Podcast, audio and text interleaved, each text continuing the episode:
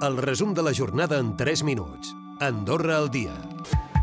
La jornada ha finalitzat amb la plataforma de Soldeu acollint l'espectacular inauguració de les finals de la Copa del Món d'esquí alpí, amb les grades plenes de públic. Això ha sigut al vespre, però ja durant la jornada els esquiadors han començat ja els primers entrenaments. Marcos Suárez ha estat el millor dels homes i Loga Goix ha estat la millor de les dones. Aquí hem pogut escoltar és a l'actual campió de la Copa del Món de gegant, Marco Odermatt. Explicava així el que ha sentit després de fer el seu descens per la pista a Liga i què és el que espera d'aquesta competició. I hope the weather Espero que el temps es mantingui més o menys com avui durant les quatre curses. Esperem que el vent afluixi els pròxims dos dies i estic segur que ens ho passarem bé aquí.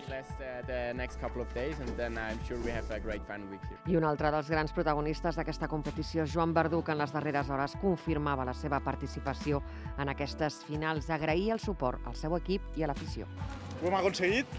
Estic molt content de, de l'esquí que, que estic demostrant i ara només queda disfrutar a casa davant tots vosaltres i segur que serà una gran jornada. Gràcies a tots pel suport.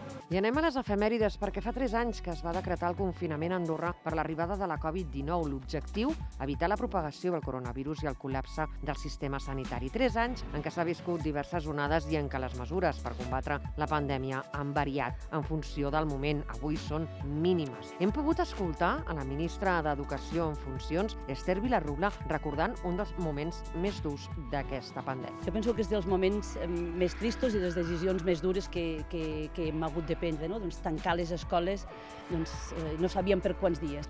I com no, ja hem començat a celebrar els 30 anys de la Constitució amb diferents actes que seguiran demà commemorant la Carta Magna, una guia per la vida del Principat, que segons ens ha explicat avui en directe la subsíndica Meritxell pel Mitjavila, a l'Andorra Actualitat, es vol apropar als més joves.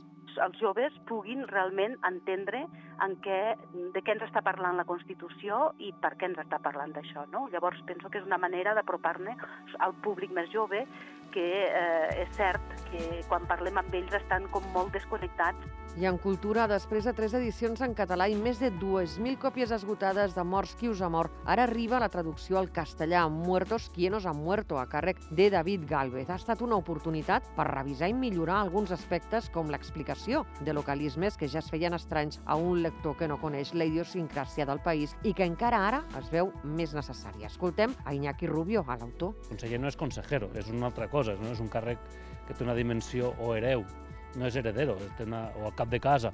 Són conceptes que en castellà no són només traduir-los, és qüestió de explicar-los.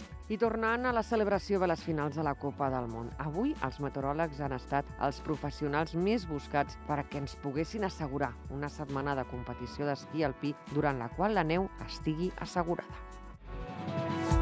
Recupera el resum de la jornada cada dia a AndorraDifusió.d i a les plataformes de podcast.